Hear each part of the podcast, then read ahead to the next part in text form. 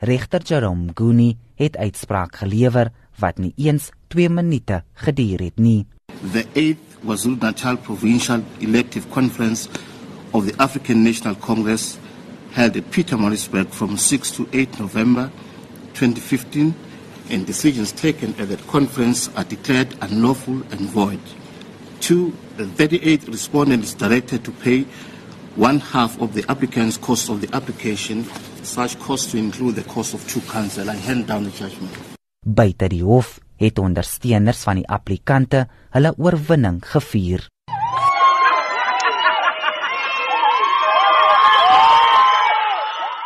'n woordvoerder vir die applikante, Nkosinathi Mshengu, sê die hofbeslissing regverdig hulle kommer dat die prosesse tydens die konferensie foutief was. Indeed, I am smiling because I believe that uh, justice has been served. In fact, this is justice for all members of the ANC, those who were in court and those who were not in court, because the ANC was founded on the basis of good values and practices.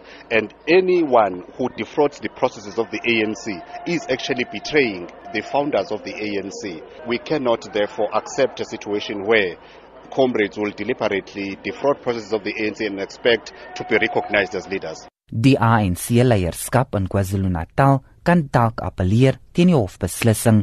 Die provinsiale woordvoerder, Mdumiseni Ntuli, sê die provinsiale uitvoerende komitee gaan vergader oor die uitspraak en die nasionale uitvoerende komitee raadpleeg oor die pad vorentoe. We are convinced that uh, this is just but one conclusion of one of our legal system, which we believe uh, is very possible that uh, the next layer of our courts can come to a totally different conclusion. We are ready and prepared to take the matter to the Supreme Court of Appeal. But if the National Legislative Committee were to say no, go back to the provincial conference again, we're quite ready and prepared to do that, whether tomorrow, next week, or next year. Die ANC in KwaZulu-Natal is beveel om ook die hofkoste te betaal. Die verslag van Vusi Makusini, Jean Estreisen, SAICanis.